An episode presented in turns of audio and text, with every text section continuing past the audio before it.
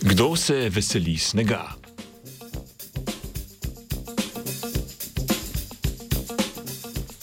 Zapadel je prvi sneg in s tem je prišel tudi čas, ko se ljudi zatečemo na toplo.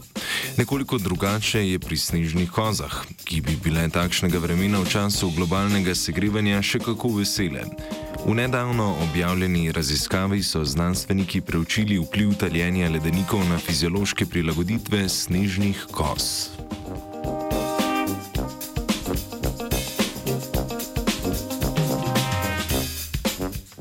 Zaradi podnebnih sprememb, katerih del je tudi globalno segrevanje, vse hitreje izginjajo svetovni ledeniki. Območja s stalnim snegom predstavljajo vrstam prilagojenim na mraz, predvsem v poletnem času možnost hlajenja.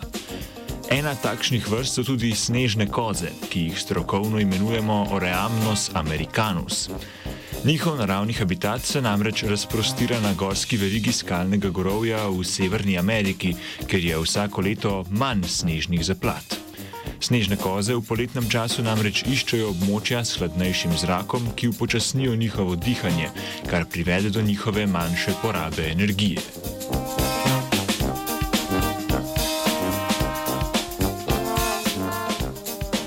Raziskovalna skupina je preučevala snežne koze na območjih, kjer so se te zadrževale v poletnem času, ko so bile temperature zraka najviše. Da bi ugotovili, kakšen je vpliv poletne temperature na te snežne organizme, so v raziskavi merili temperature posameznih mikroklim ob snežnih zaplatah in v sencah. Poleg tega so, pa so izmerili tudi, koliko vdihov na minuto naredijo snežne koze in tako ugotovili, kakšna je njihova sposobnost termoregulacije.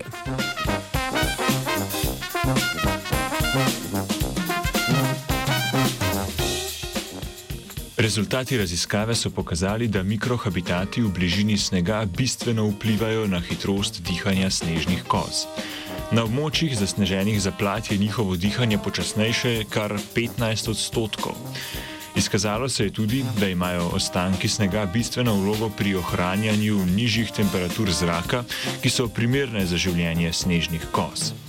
Območja, ki so bila zgolj senčna in brez snega, niso imela bistvenega vpliva na temperaturo zraka in posledično na upočasnitev dihanja snežnih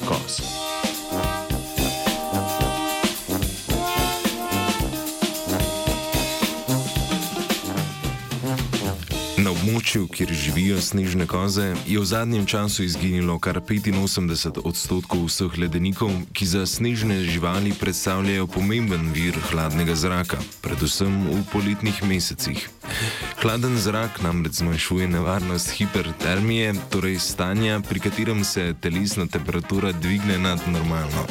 Čas bo pokazal, ali se bodo snežne koze lahko dovolj hitro prilagodile na više poletne temperature in tako preživele podnebne spremembe, ali pa se bodo pridružile že stotinam izumrlih vrst.